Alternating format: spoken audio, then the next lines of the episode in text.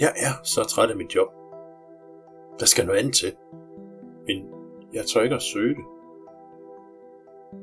Han havde faste aftenvagt, og hans kone havde fast morgen- eller dagvagt. Så de talte sammen i weekenderne. Når han kom hjem fra job om natten, så sov hun. Og når han stod op formiddagen, så var hun længe taget afsted på arbejde. Velkommen til Hypnotisk Kvarter, hvor jeg vil dele med dig, hvordan det kan gå, når man ikke lytter til sig selv, når man ikke står ved sig selv. Hans krop den var begyndt at sige fra. Smerter ubehag i led og muskler, et hævet knæ, helt uden begrundelse. Lægerne kunne ikke rigtig afklare hvorfor. Men kroppen signalerede åbenbart, at noget var forkert. at han ikke turde søge det her nye job, det er der jo mange, der kender. Og det skyldes af opvæksten med, at du ved, hvad du har, og du ved ikke, hvad du får. Det havde også afskåret ham fra at turde søge nye oplevelser, nye opgaver, en udvikling i livet. Og selvværd, det var derfor rimeligt lavt. Rent fagligt, hans selvtillid, hans selvsikkerhed fagligt, det var ganske høj. Men selvværd, så noget med at sige til kollegerne, at nu var det nok med den måde, de behandlede ham på, for eksempel. Og særligt en ældre kollega, som mobbede ham kraftigt. Det var nærmest ikke til stede. Det første vi gjorde, det var selvfølgelig at rydde op i gamle misforståelser om ham selv og derved de muligheder, som han troede, han havde som voksen. Og det er fælles ikke bare for ham, men for næsten os alle sammen, at det vi lærer, mens vi er børn, det sætter et kraftigt præg på, hvad vi tror, vi kan tillade os, hvad vi tror, vi kan opnå, og hvad vi kan opleve som voksne.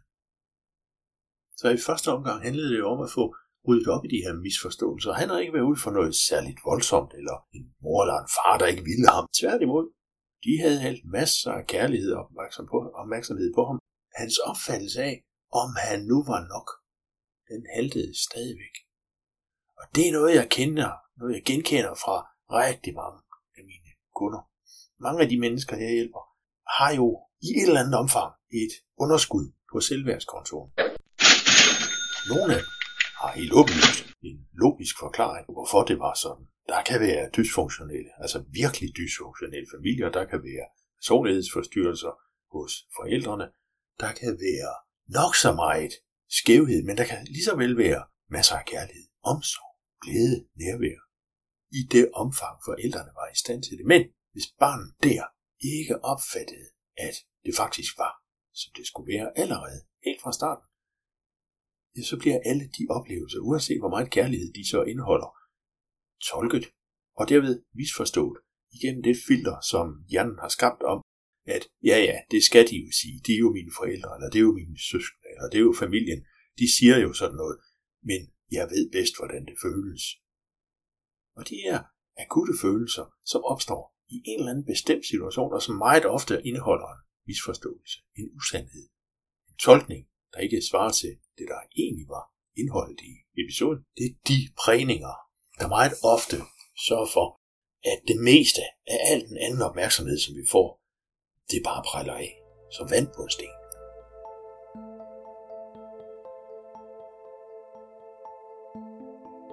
Hos manden her, der var det tydeligt, at selvfølgelig var der nogle episoder i hans fortid, hans barndom og opvækst og ungdom, som kunne have været smartere, hvis man kan sige det sådan. Men der var ikke noget himmelråbende, som virkelig åbenlyst, hvor han blev kuget eller holdt tilbage. Og alligevel, så troede han ikke helt på sig selv. Så det første, som sagt, var, at vi ryddede op i alle de gamle misforståelser om ham selv.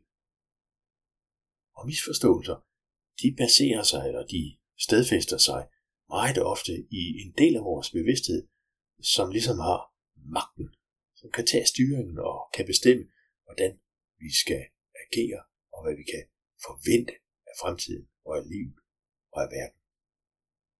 Ikke så meget, hvad vi kan forvente af os selv, fordi den mekanik, den del af vores bevidsthed får os ofte til at gøre meget mere, end vi egentlig har godt af.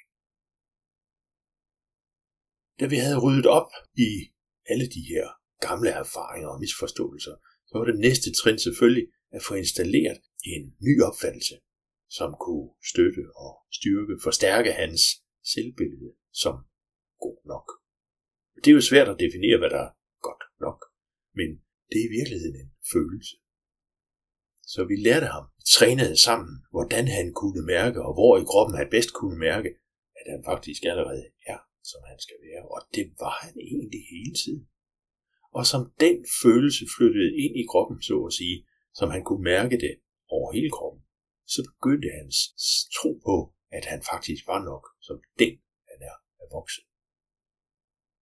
I hypnosen arbejder vi rigtig meget med suggestioner og forslag til underbevidstheden, som vi opfordrer til, at den installerer og accepterer som den nye opfattelse. Og det har helt givet været med til at styrke hans selvbillede. En anden øvelse, vi gjorde, var, at vi flyttede opmærksomheden fra overtænk til at mærke. Alt for ofte, så møder jeg mennesker, som overtænker som tænker sig frem til, hvad der nok er bedst at gøre i en bestemt situation. Det kan være vældig praktisk nogle gange, men man kan ikke tænke sig til, hvordan noget føles. Rigtig mange mennesker har desværre aflært sig at mærke, altså at ture og føle, fordi der i mange situationer har været nogle oplevelser, hvor det, de følte, var ubehageligt. Og når det sker kraftigt nok eller ofte nok, ja, så vil hjernen helt af sig selv overtage styringen og tænke sig frem til, hvordan det nok føles bedst. Det vil ikke at det føles bedst. Og det vil kroppen så med tiden, der kan gå flere år, udvikle nogle forskellige signaler, den bruger for at gøre opmærksom på, at der er altså noget galt. Og således også hos, hos manden her, han havde et øh, stærkt hævet knæ, Lægerne kunne som sagt ikke finde ud af eller konstatere, hvad der var galt. Det var nok bare en forstutning eller forvridning eller et eller andet. Og det kunne han overhovedet ikke mindes, at han havde ud for. Noget, der skulle kunne fremkalde det. Så vi arbejdede videre med at styrke hans selvbillede og flytte opmærksomheden hovedet til kroppen, så han igen kunne mærke, hvad der var bedst, og ikke bare skulle tænke sig til, hvordan det nok var bedst. Fordi problemet med den måde, han så havde vendt sig til at tænke, var jo netop, at når han tænkte, ja, så var der sådan en grundtanke, en grundtone i hans måde at tænke på.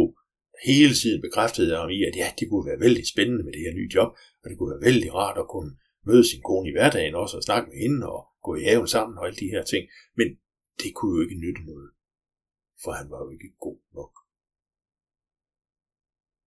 Vi mødtes en tre gange, og det mærkværdige var jo, at vi kunne se, at hævelsen i knæet, den forsvandt, og han fortalte fra gang til gang, at smerten var blevet færre, og da han kom tredje gang, var det helt væk. Det kan være et tilfælde, men jeg synes, jeg har set det flere gange, at kroppen har en måde at signalere på, at der må gøres noget. Hallo? Tag dig sammen. Tag dig af dig selv.